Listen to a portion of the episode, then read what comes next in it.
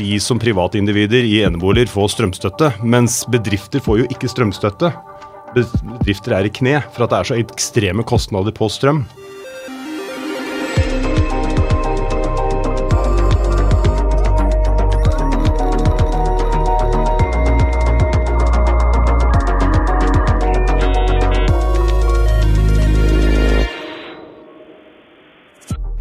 Velkommen til Dobbeltklikk. Jeg heter Are Tune Samsonsen, journalist i digi.no. Og med oss har vi eh, Magna Barsnes og Gøran Tømte, som eh, skal snakke litt om energisparing og IT-sikkerhet. Det er jo en ting med strøm som gjør at det er en ting som står på permanent, om det så bare er 100 watt, eller 300 watt, eller 500 watt, som egentlig mange tenker det er jo ingenting. Hvis du ganger opp det med 24 timer i døgnet, 30 dager, 31 dager i måneden, tolv måneder i året, så blir de 100 wattene Det blir penger av det. Hvis du slår av de 100 wattene, de 300 wattene, de 500 wattene, så blir det faktisk veldig mye penger av det når du ganger med 3-4 kroner kilowattimen. Og det er jo ikke bare den strømmen som serveren faktisk trekker, men den serveren står jo der og genererer varme, Yes. som igjen krever at kjølinganleggen må stå og jobbe mer og mer og mer. Så det, det bare multipliserer på seg mer og mer og mer. Og, og, og min tanke rundt med den, med den kommentaren jeg hadde i den forrige artikkel, var jo at de gamle serverne som fortsatt står der og, og trekker strøm, det er gjerne òg de som ikke lenger er med på en eller annen patcheplan eller oppdateringsplan. Eller det, det kan godt hende du ikke får oppdateringer til den lenger, for at det er så gammelt. Og, og dermed så står jo den som en vidåpen dør inn i miljøet ditt. For han er nedsylta i soverheten som the holy grail. Så vi, vi oppnår både å redusere strømregningen og få et sikrere miljø ved å slå av de gamle serverne som vi mest sannsynlig ikke har bruk for lenger. Du kan både spare strøm og du kan redusere risiko. Ehm, besøkte jo noen i går som sa at de har hatt en dataryddekampanje. Nettopp for å fjerne data. Det var ikke strøm som var driven deres, fordi at de skjønner at det er en risiko.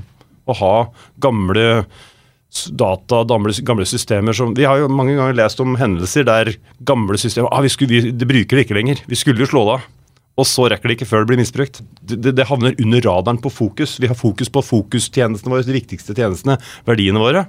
Så glemmer vi det gamle. Så står det bare der. Så det handler litt om ansvar. Hjemme så har vi ansvar for vår egen lommebok. Alt det vi gjør hjemme, går på vår egen lommebok direkte. På arbeidet så spørs det hvem som har ansvaret, ikke sant? og da går det på fellesen, og så er det kanskje ikke så fokus på det, og tenke at det her er ingenting. Eh, snakket med noen nå som eh, på eget initiativ valgte å bytte lysstoffrør til LED-lys i et kontorbygg. Av økonomiske grunner, for nå skulle vi spare penger. Hvorpå vaktmesteren blir fly forbanna. Hvorfor har dere hørt på meg? Hvorfor? Altså, Lysstoffrørene avgir varme, som nettopp som vi prater om. Så poenget var at det de sparte i strømkostnader, altså investeringen i ledd, er ganske stor. Så, så det er ikke gratis å bytte fra lysstoff til ledd, men de gjorde det fordi de tenkte langsiktig på strømsparelse. Enden på visa var at varmeproduksjon av lysstoffrørene ble borte. Hvorpå vaktmesteren måtte starte et varmeprosjekt, for det var ikke kapasitet i varmeanlegget til å varme opp bygget, så de måtte utvide varmekapasiteten i varmeanlegget. Ting henger sammen. Ting henger sammen. Men, men det, det starten her starta med, var egentlig datasenteret. Eh, som eh, ofte ikke er varmeutvinning til kontorlokalet veldig ofte. Og det å ha gamle systemer stående som trekker strøm, som trekker da penger, kan også være en informasjonssikkerhetsgevinst å fjerne. Det er egentlig essensen. Og så gjelder det ikke bare å spare penger på strøm, men spare selve strømmen. For litt av problemet er jo tilgjengeligheten på strøm, og hvor mye strøm vi Absolutt. felles har. Jeg, Absolutt. jeg tenker litt Alderen på selskapet har faktisk en del å si. For hvis du er en små og mellomstor bedrift som er blitt, er blitt starta nå, så er du født i skya. Du har ikke noe på kontoret i form av eh, servere og sånt utstyr. Alt ligger i om det er Asher eller AVS eller Google eller whatnot. Og, og da setter jeg litt begrensninger på hvordan skal vi kunne redusere strømforbruket vårt ytterligere. De, de fleste PC-skjermer i dag de er heldigvis såpass lure at de slår seg av på natterstid. Eh, men klart, vi kan jo bare ta en kikk rundt i, i Oslos gater eh, når klokka er ti om kvelden. Det er fortsatt ganske mange kontorbygg som står uh, fullt opplyst, sjøl om det ikke er Ja folk der. Og da kommer vi til den vedvarende lasten igjen. nå. At lys som står på et stort kontorbygg Jeg har aldri noensinne regna på det, men det blir jo Det blir jo noen watt. Det blir ganske mange watt når det er et helt kontorbygg. Hvis du ikke oppgraderer til LED-belysning, og du fortsatt har lysrør eller tilsvarende, det blir ganske mange watt som står på Vi skal være på jobb åtte timer, noen er jo så klart her oftere, her lenger, men uh, at det blir over tolv timer Waste. Det er halvparten av tida. Men, men klart, du, hvis du da som bedriftseier sitter med et, eh, et kontorlokale på tusen, par tusen kvadrat, og du tror at det er kun ti mann som kommer inn den dagen, er det behov for å ha hele kontorlandskapet da åpent? Det kunne vært et tiltak at du har, får muligheter for å kunne skille av kontorlandskapet, sånn at du kan åpne det gradvis, alt etter hvor mange som faktisk kommer inn på, på kontor den dagen, og ikke sitter hjemme og jobber.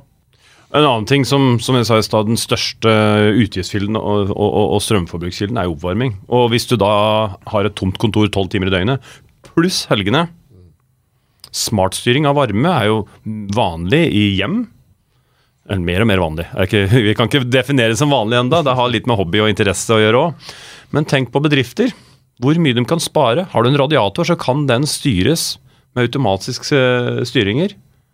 Har du elektrisk varme, så kan det styres. Da må også klart noen ha interessen av å gjøre det. Og drive den senkinga at når klokka blir fire, fem eller seks, så senker vi temperaturen i kontorlokalet. I don't know. To, tre, fire grader. Det kommer an på størrelse, treghet på oppvarming osv. Dette må jo tilpasses, og så er det en utregning på hvor, når skal vi senke det. Hvor mye skal vi senke det, og når må vi slå på igjen varmen. Hvis du, men hvis du da kan senke temperaturen tolv timer i døgnet, da. Det blir mye penger av det òg. Men, men når du begynner å snakke om, eh, om smartstyring av både lys og varme og ventilasjon, så eh, begynner du å klø bak den her eh, min, da. For, for det òg igjen kan jo eh, åpne og breie ut eh, angrepsflaten din i form av at plutselig ikke det er du som styrer varme lenger. Jeg ser ikke på det som et problem, og det mener jeg seriøst, fordi at det handler bare om sikring. Det handler om risikovurdering, det handler om tiltak. Hvis behovet er der for at du vil ha smartstyring, ok, la oss risikovurdere det. La oss se på hvilken risiko det er. Hvilke tiltak må vi innføre for at vi kan gjøre dette på en sikker måte.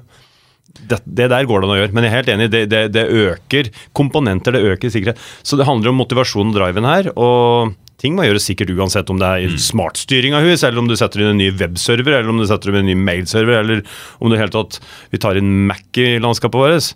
Det må alltid gjøres en risikovurdering.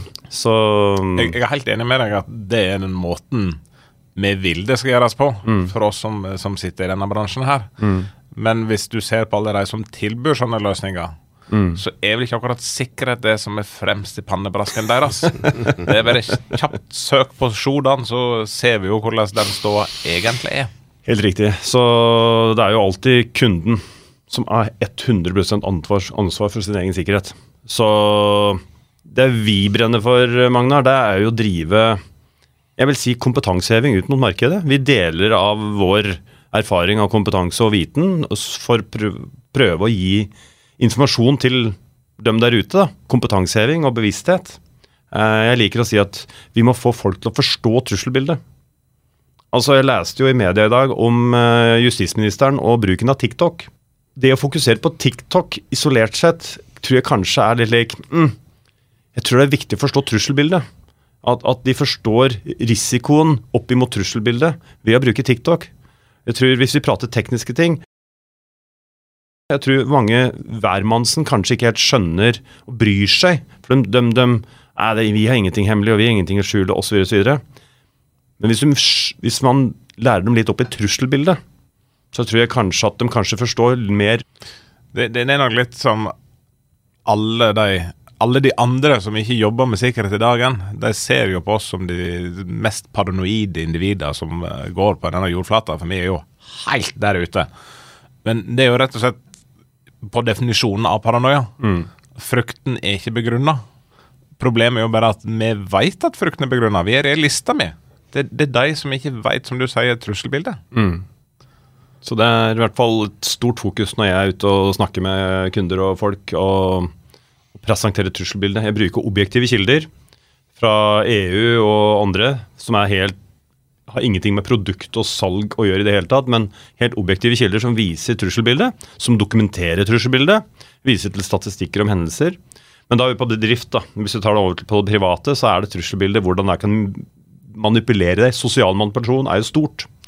Og jo mer informasjon man får, jo dem som har uønskede eh, hensikter, jo lettere blir det. Da kan de gjøre mer målretta, kan bli mer suksessfulle. Og så tenker jeg vi har ikke noe å skjule. Nei, men hvis du blir lurt, da. Hvis du blir lurt til å fragi deg et eller annet som du kanskje ikke Nei, det var kanskje ikke så lurt å gi fra seg. Så det er en kjede av ting her. ikke sant? Så det er, jeg tror det er mange som ikke helt ser det totale bildet. Og det er ikke enkelt. Sikkerhet og strømsparing. Jeg hater uttrykket, men uh, synergier der. Det, det, det var jo litt som vi var inne på i begynnelsen med at hvis du, hvis du slår av de serverne du ikke har behov for, rett og slett pga. sikkerhet, så fjerner du dem ifra den angrepsflata som du har. Det, det kan være at de ikke har noe sårbarhet akkurat der og da, men det kommer i snitt i 2022 så er det 70 nye sårbarheter hver eneste dag, inklusiv helg og ferie. Vi ligger an til å ha en all time high med tanke på antall sårbarheter per år. Og den sårbarheten den kan komme på et eh, helt oppdatert operativsystem eller en software eller whatnot i Ja. dag eller om et år. Så bare det å slå den av, du sparer strøm, og du reduserer angrepsplata di automatisk. Ja, jeg, altså Når jeg presenterer, så prater jeg om Du har sensitive data, f.eks. Og du vet om at vi har sensitive data på de 15 systemene. Og dem fokuserer du på. Du patcher, du sikrer, du logger, du følger med. Hvis noen skulle komme inn i systemet ditt, så har de kanskje ikke sjanse til å komme inn der. La oss si at du har gjort det skikkelig bra. Men de skurkene slutter ikke å lete. Så hvis de finner da den støvete serveren borti hjørnet der, og de kommer seg inn på den, for den har ikke du tenkt på på to år. Den har bare stått der. Den er ikke patcha. Og den er ikke fullt fokus på.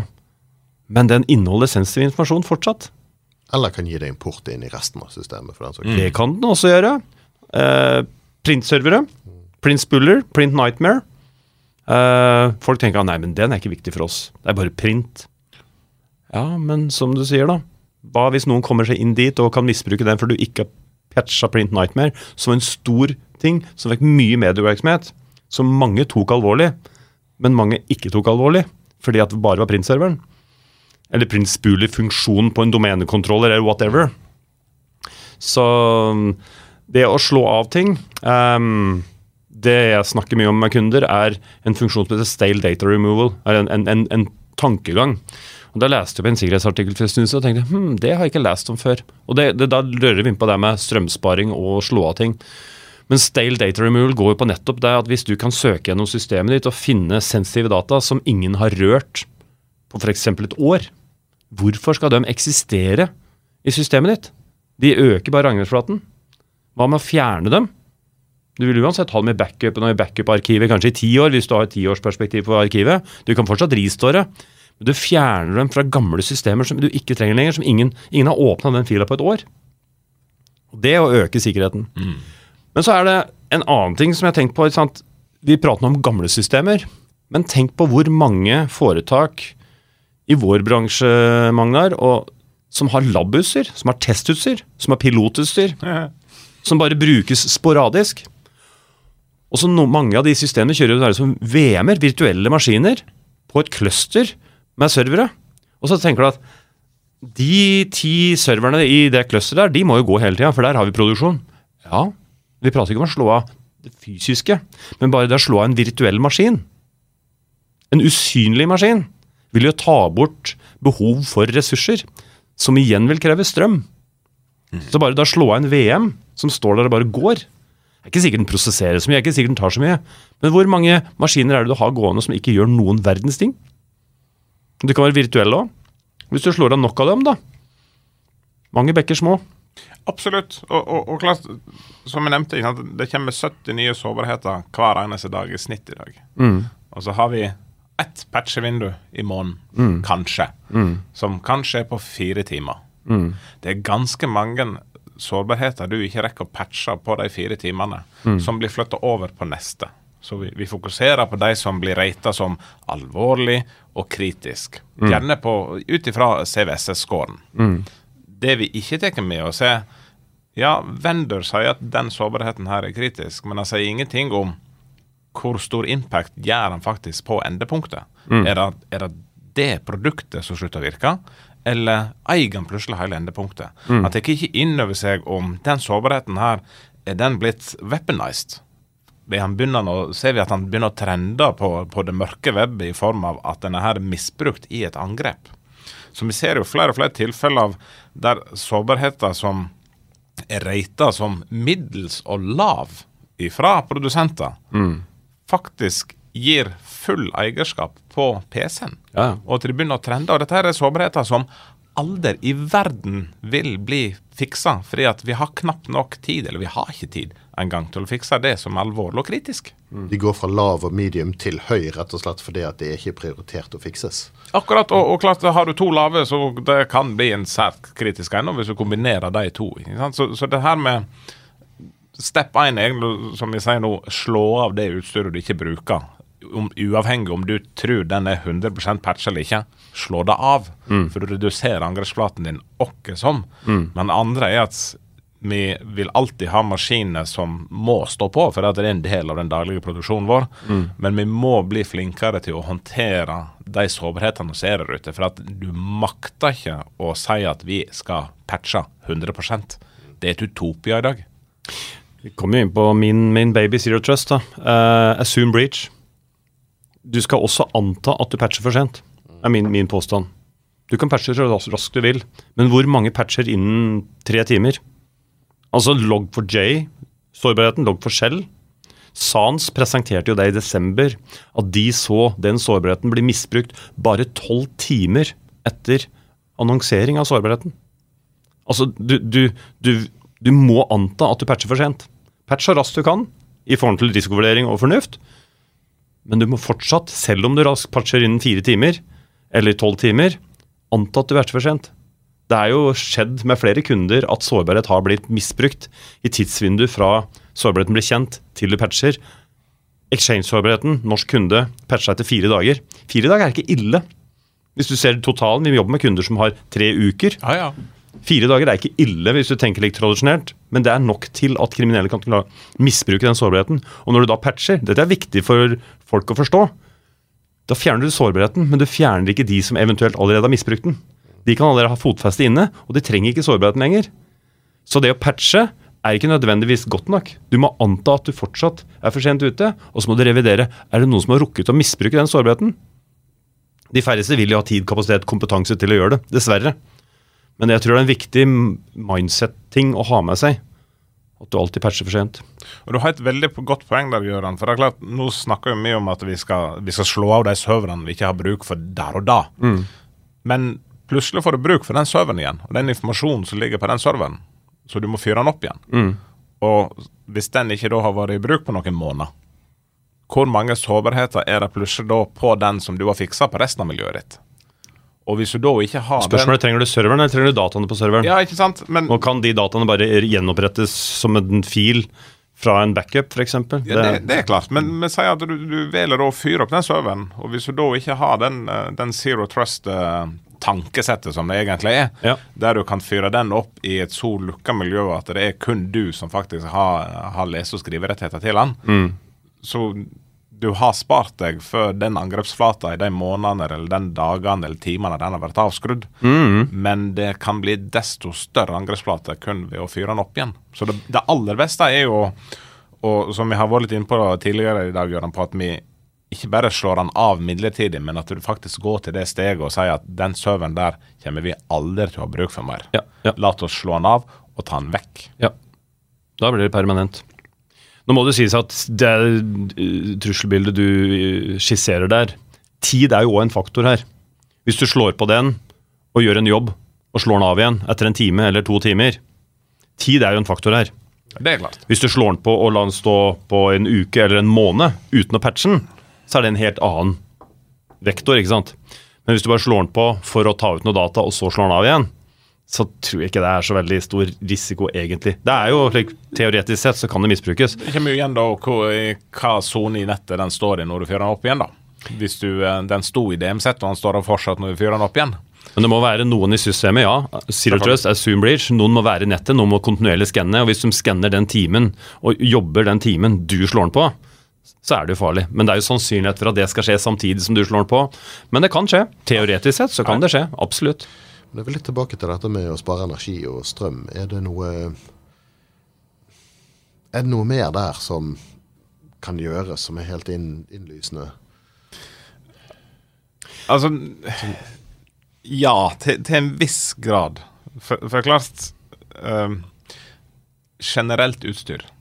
Om det, en, om det, er en, PC, om det er en switch, om det er en ruter, om det er et aksesspunkt, eller om det er en brannmur Når det blir fornya, så vil det gjerne ha en høyere kapasitet, og det vil ha eh, en lavere strømkonsum. Rett og slett fordi at vi har en, en uh, evolusjon òg på den sida. Så sitter du på et eh, Det trenger jo ikke være et haugammel infrastruktur heller. Men hvis du sitter på gammel infrastruktur som nærmer seg å være moden og skiftes ut, så vil jeg eh, tro at du vil kunne spare strøm ved å kunne gjøre eh, det tekniske fornyinga der og da. Klart, det, ikke, det er nok ikke sånn at hvis jeg bare kjøper ny infrastruktur i dag, så den summen jeg bruker på å investere i ny infrastruktur, den kan jeg trekke av på strømregninga. Det er nok ikke så bra, men du vil nok redusere strømforbruket ved å gjøre den tekniske fornyinga. Og klar, Hvis du ser på da eh, Wifi 6 og, og 7 som vi driver på å utvikle nå, så har jo den kortere rekkevidde enn den vi sitter på i dag. Han har høyere kapasitet, mm. men på en kortere rekkevidde. Mm. Som gjennom medfører at du må ha flere aksesspunkt for å få den samme dekninga som en har i dag. Så, så, klart, det er nok mye uh, ja, men-tankeganger mm. uh, her.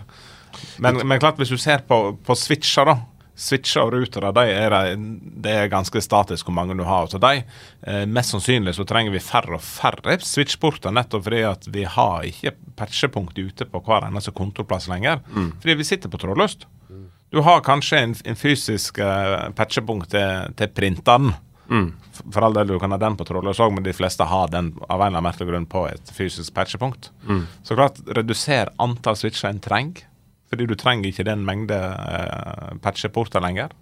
Men, men akkurat uh, switchen den vil nok kunne trekke mindre og mindre strøm etter hvor, hvor nyere og nyere den faktisk er. Det er ganske skremmende hvor varme aksesspunkt blir. De, de blir glovarme. De produserer varme, de òg. De produserer varme, så det betyr Da bruker de strøm for å produsere varme. Så de, de, de er ikke de, bruker strøm til rådløse aksesspunkter òg. Så det, man tenker at det er, det er ikke kabla fra PC-en eller telefonen, men uh, det, er, det, bruker strøm. De er glovarme, det er, så det er mye varme der. Men fra et Zero Trust og strømsparende i Zero, altså, Hvorfor tar vi opp diskusjonen om å slå av gammelt utstyr? Uh, og hvorfor har det relevans inn i informasjonssikkerhet? Og så mot Zero Trust. I Zero Trust med assume breach, du skal anta at du er kompromittert. Det er jo pga. det at du skal anta at noen er på innsiden. For de kommer seg på innsiden på et eller annet. Du kommer inn i systemene på et eller annet. Hadde de ikke gjort det, så hadde det vært vanskeligere å argumentere for informasjonssikkerhetsargumentet her.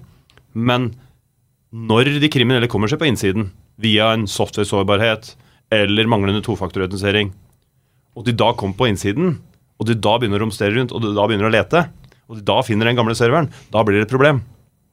Så fra et Zero Trust-ståsted med Assume Breach, så du antar at de er inne. Du må fjerne gammelt rusk, og så må du sikre resten. Du må sikre tilgangskontroll, du må segmentere, du må gjøre ting bra. Så da, da er det ren informasjonssikkerhet. Men, men strømsparinga her går på å fjerne gammelt. Uh, som egentlig vi starta med, som, som, har multiple verdier her. Når du sier segmentere, så mener du òg det at ikke bare ha en mur på utsiden, men, men dele ting inn i, eller systemet inn i forskjellige grupper, der, sånn at mm. folk ikke har tilgang til alt når de først kommer seg inn hvis du ser på de store ransomware-angrepene, som har fått veldig mye medieoppmerksomhet i Norge I desember i fjor var jo ekstremt. Uh, det har roa seg litt. Jeg har ikke hørt så mye om store angrep i år, men de siste tre åra har det vært ganske mange store. Eller ser vi fem år tilbake på Mersk, da. Uh, det har vært ganske store angrep som har fått fatale konsekvenser. Og hvorfor blir det så kostbart? Jo, for at når, først, når de kriminelle først kommer inn og begynner å spre ting, så er det nesten fritt leide til å spre all mass. Og det er jo fordi at det mangler god nok segmentering. Du, altså, Hvorfor er det brannvegger mellom leiligheter i et rekkehus? Hvorfor det, kalles det vanntette skott i en båt? Ville det vært en ubåt med eller uten vanntette skott? Nei. og så går det hull på skroget i en ubåt på 100 meters dyp, så er det greit med vanntette skott. Da kan du fortsatt redde ubåten. Det er akkurat samme filosofien i datasenteret. ikke sant? Når de kriminelle kommer på innsiden, de drar med seg en skadevare. De kjører den skadevaren, om det være seg å kryptere eller hva nå enn de gjør.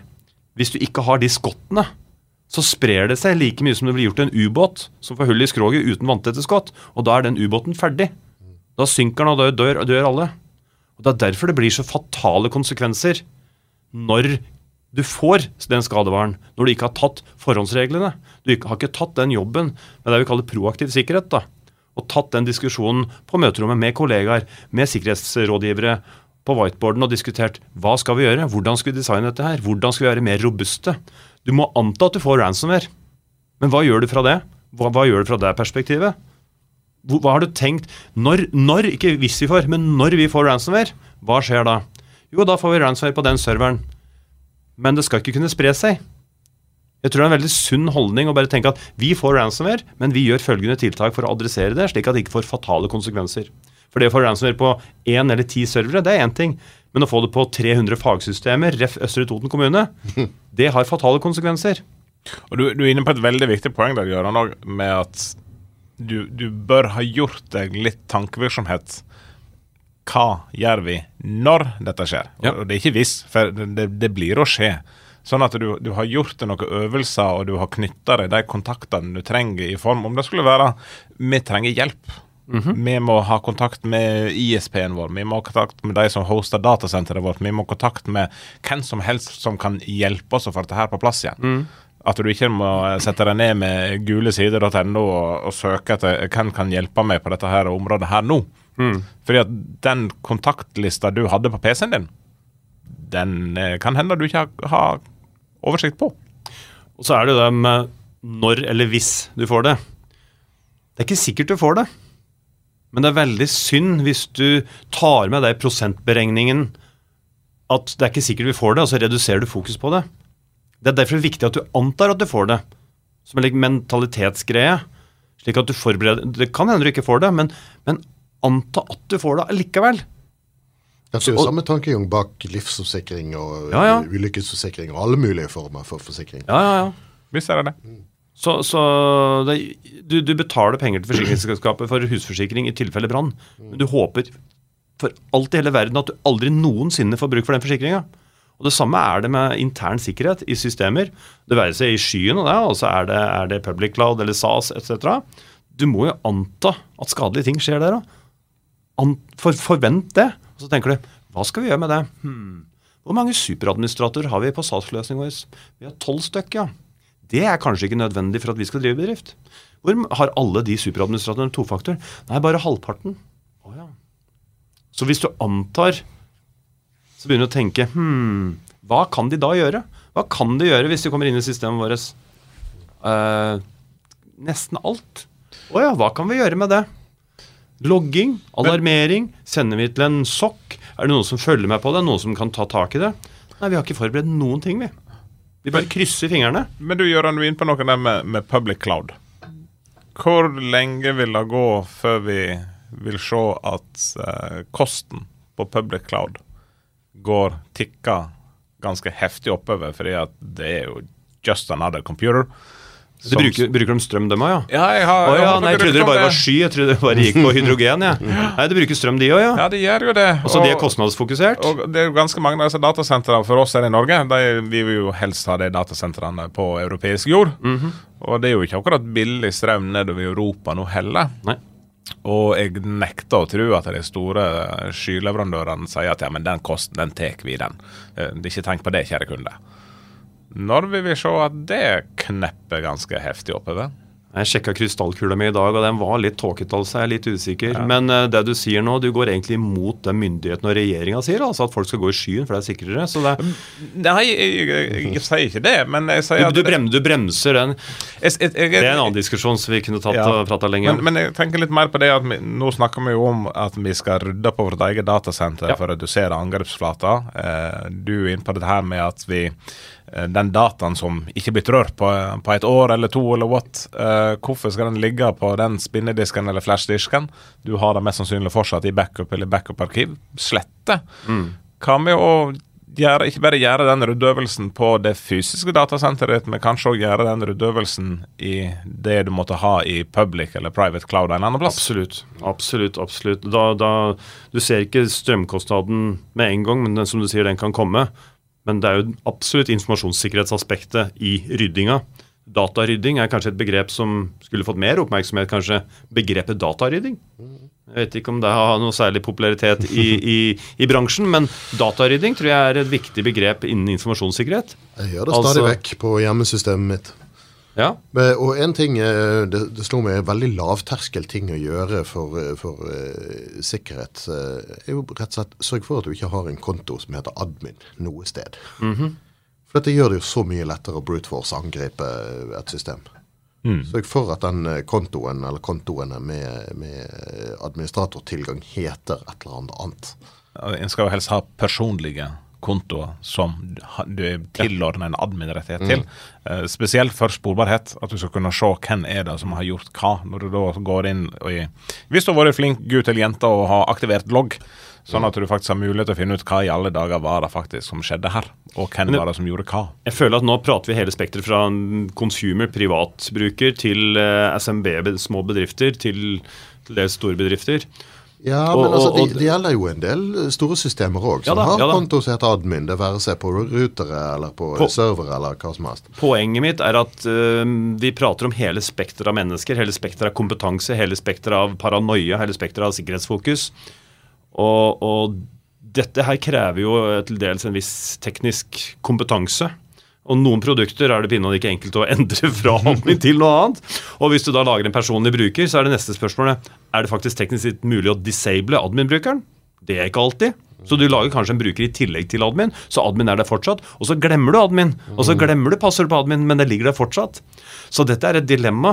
Dette er, det, er, et, det er et teknisk ja, det er en, det er en seriøs utfordring. altså. Jeg jobber med mye sikkerhetsprodukter som du faktisk må tenke Vi som jobber med sikkerhet, vi jobber med f.eks. brannmurer, som har en default admin-bruker. Hvis du skal fjerne den, da skal du puste litt og skal du ta et steg tilbake og tenke total, hva er konsekvensen? Dette er sentral brannmur i en stor bedrift. Vi fjerner admin-brukeren. Det er gode grunner for å gjøre det, men du skal tenke litt før du gjør det, for at det kan få noen Du kan kappe noen grener. Så helt enig i at det er smart, men jeg sier at vi i sikkerhetsbransjen òg må gå noen runder før vi gjør det. Så, så er dette et kjempeproblem. Du, du toucher inn på noe som er et veldig stort, en stor utfordring. For at det, det er ikke enkelt for hvermannsen å gjøre dette her alltid. Det, dessverre. Vi maser om passord, passord, passord. Jeg sa vi må anta at vi patcher for sent, men vi må pinadø også anta at passordene våre er på avveie. Altså, Du har 1000 ansatte i en bedrift. Du driver awareness-kampanje.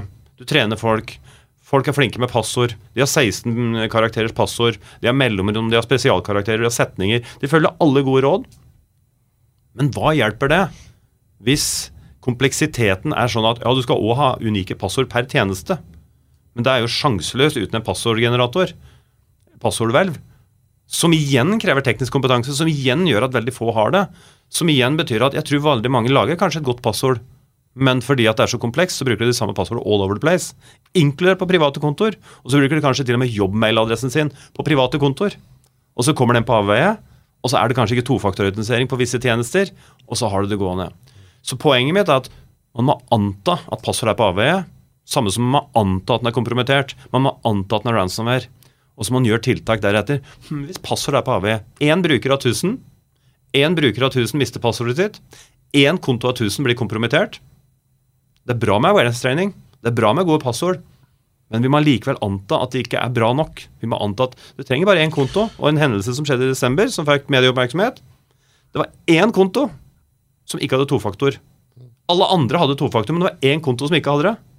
Og det var bevisst. Det var bevisst av kunden å ikke ha tofaktor, fordi at det var convenient. Og så ble den misbrukt en VPN-forbindelse fra internett og inn med brukeren av passord. Og da hjelper det ikke om 4000 personer har tofaktor når én konto blir misbrukt. Jo, du reduserer Jeg sier ikke at du ikke skal ha det. Jo, nå prater jeg litt mot meg sjøl. Du skal absolutt ha tofaktor, og det er kjempebra. Men du må, det, det blir lik skylapp, da. Så du glemmer huller. Så, Ja, så skal du bare én glipp til før det er for seint. ja, og, og så er mange så redd for tofaktor. Altså, vi har, I Norge har vi brukt tofaktor siden BankID ble innført i begynnelsen av 2000-tallet. Noe sånt. Jeg, jeg, jeg, sliter den dag i dag med å fatte hvorfor mener folk at tofaktor er så forbanna vanskelig. Vi har jo hatt brukeropplæring takket være BankID i over 20 år nå. Det er ikke noe unaturlig å bruke tofaktor. Jeg tror alle innbyggere i Norge også forstår hvorfor det er tofaktor. Hvorfor det er bank-ID. Det er penga dine. ikke sant? Ja. De forstår at det her øker eh, nivået på tilgangskontroll, som øker sikkerheten. Så alle har forstått det i 20 år. Jeg tror ingen krangler på dem. Altså, å, jeg, kunne tenkt meg bare bruker noen passord, det er banken. Jeg tror, jeg, tror ingen, jeg tror ikke det er mange i Norge som vil si det. Og hvis du da tar den analogien, som du sier, over i forretningsverdenen eller andre verdier, da. Så veldig godt poeng. Men du var inne på et, et punkt her, Gøran, rundt eh, user awareness, brukeropplæring.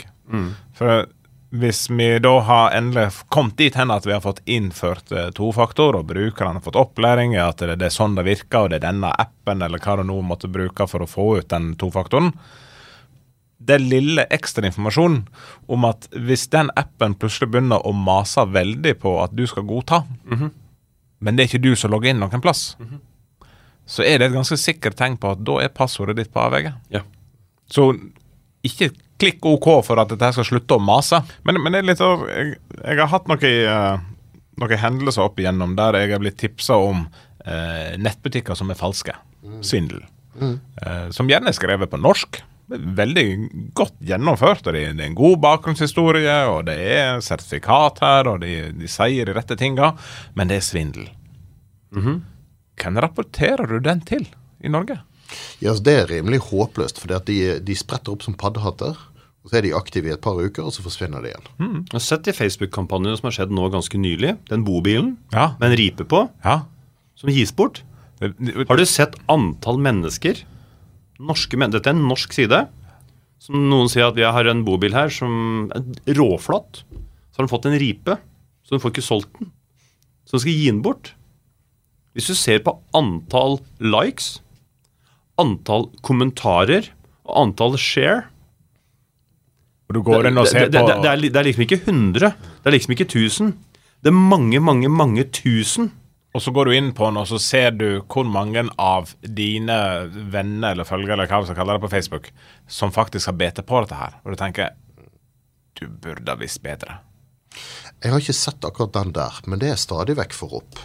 Jeg venner og kjente på Facebook som har svart på et eller annet sånn random spørsmål fra en random side. Sånn, Hva het ditt første kjæledyr, eller hvilken farge er huset ditt? Eller ja. Og Det er basically data mining. Det er phishing. Absolutt. Og det er helt utrolig hvor mange som går på det. Ja, du, du syns det er så og, og dette var min første bil. Å ja. Og du har faktisk ikke bare sagt hva modell det var, men du har også sagt hva farge han hadde.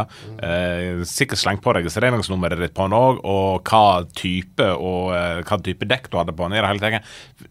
Hva er det med folk, da? Det er ingen Som på at det ikke går rett inn i en Nei, men det, det handler om at de, ikke forstår, de har ingen forståelse for trusselbildet.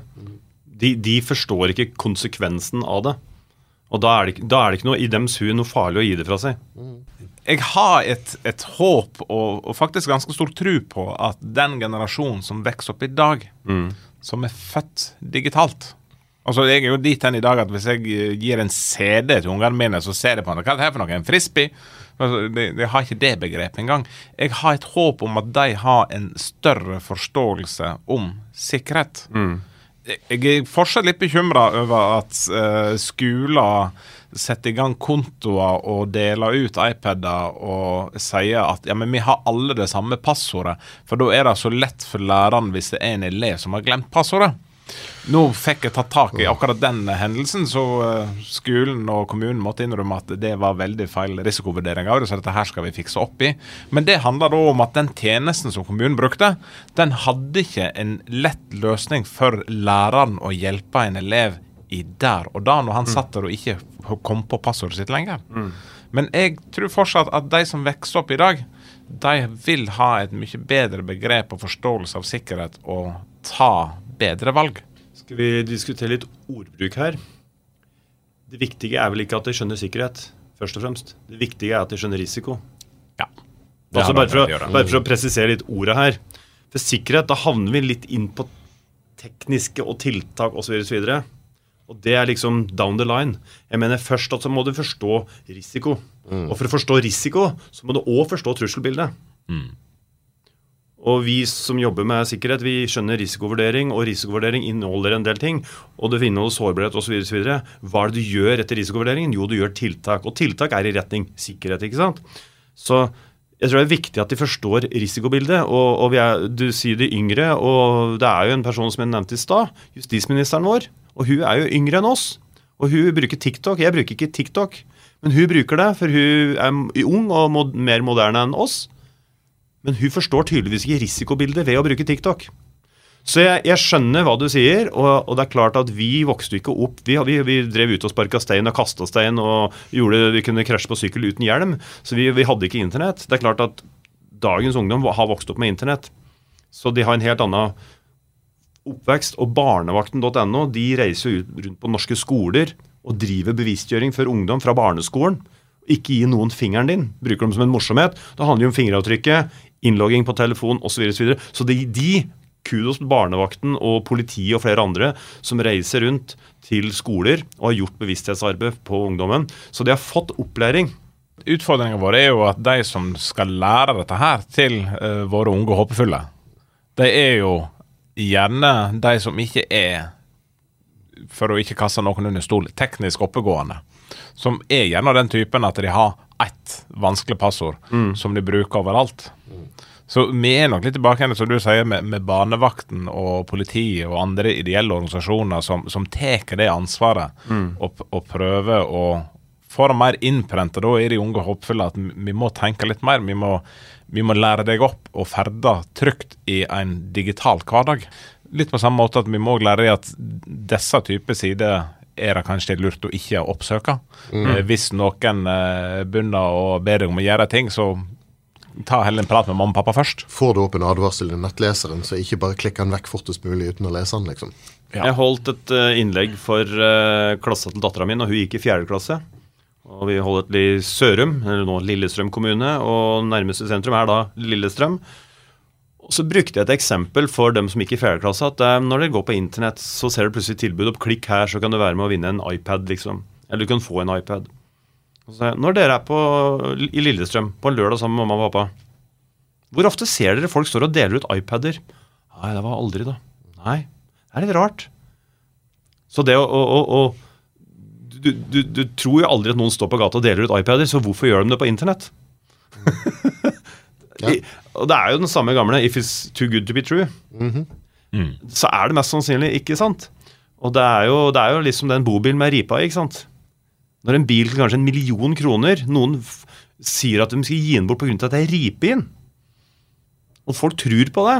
Og Det er derfor statistikken viser, hvis vi går til en proffeverden og ransomware mm. Statistikken viser at de som faktisk betaler ransom Dette kom fra CBS nå for noen uker siden. 80% av dem som betaler ransom, får ransomware en gang til. 80% Selvfølgelig. Du er en uh, kunde blitt. Du er blitt kunde. Du er villig til å betale. Du har ikke forsvarsmekanismen, du har ikke prosedyrer rutiner. Du er ikke forberedt. Du har ikke assumed ransomware. Du har ikke forberedt deg på ransomware. Og Derfor så betaler du for å komme raskest mulig ut av det. Hvis ikke så går du konkurs. Ja ja, men da venter vi et par uker, da. Så bare får vi kjørt litt Ferrari i mellomtida, og så leker Ja, vi prøver igjen, vi. Ja, det gikk bra nå, ja. Lommeboka er, er tom. Det er, som, det, er, det er, som fisking. Det er, handler om å finne de fiskevanna på fjellet, og du sier det aldri til noen hvis du finner dem, for det er ditt fiskevann. Mm -hmm. Det er det samme her, altså. Så ransomware funker, det. Ja, altså En del av disse her eh, svindelforetakene er jo ganske proffe og omtaler det. Ah, ja. ofrene sine som kunder eller klienter. og De, de, de har jo servicedesk. Min påstand er at vi, vi, de kriminelle har en slags integritet. Altså, Hvor hadde forretningssuksessen vært hvis de ikke, ikke hadde hatt integritet? Tenk om ingen kriminelle eh, Jeg vet at det er ikke alle som leverer fra sine nøkler, og det er den store hypen. Men tenk om de aldri hadde levert fra seg nøkkelen. Tenk om du hadde betalt penger, og ingen hadde fått nøkkelen. Hva hadde skjedd da? Da hadde media skrevet at du får aldri nøkkelen. Og da hadde forretningskonseptet Hele kol konseptet hadde kollapsa. Mm. De må ha en integrert, De, de, må levere nøkkel. De må også levere en nøkkel som fungerer. Hvis ikke så raser hele eh, konseptet. Og det at du gjør god support mm -hmm. det, er jo, det, er jo, litt ironisk, da, men de, de, de må jo òg gjøre god support. Slik at uh, de, de, får tilbake dataene sine. Det, så det er, de, de har en slags eh, det er, det, Etisk retningslinje er naturligvis feil å si, det er jo kriminelle. Men, men, men de, er jo, de er jo smarte. Ja. Altså, Vi kan ikke si noe annet enn at de er smarte. For det første så lurer de deg, for det andre så skader de deg, og for det andre så holder de ord. De har en annen drive. Ja. Det, men det handler om penger. Det, det Og det, og det er ingen tvil om at den, den kriminelle sida av, av IT-bransjen, den er enorm.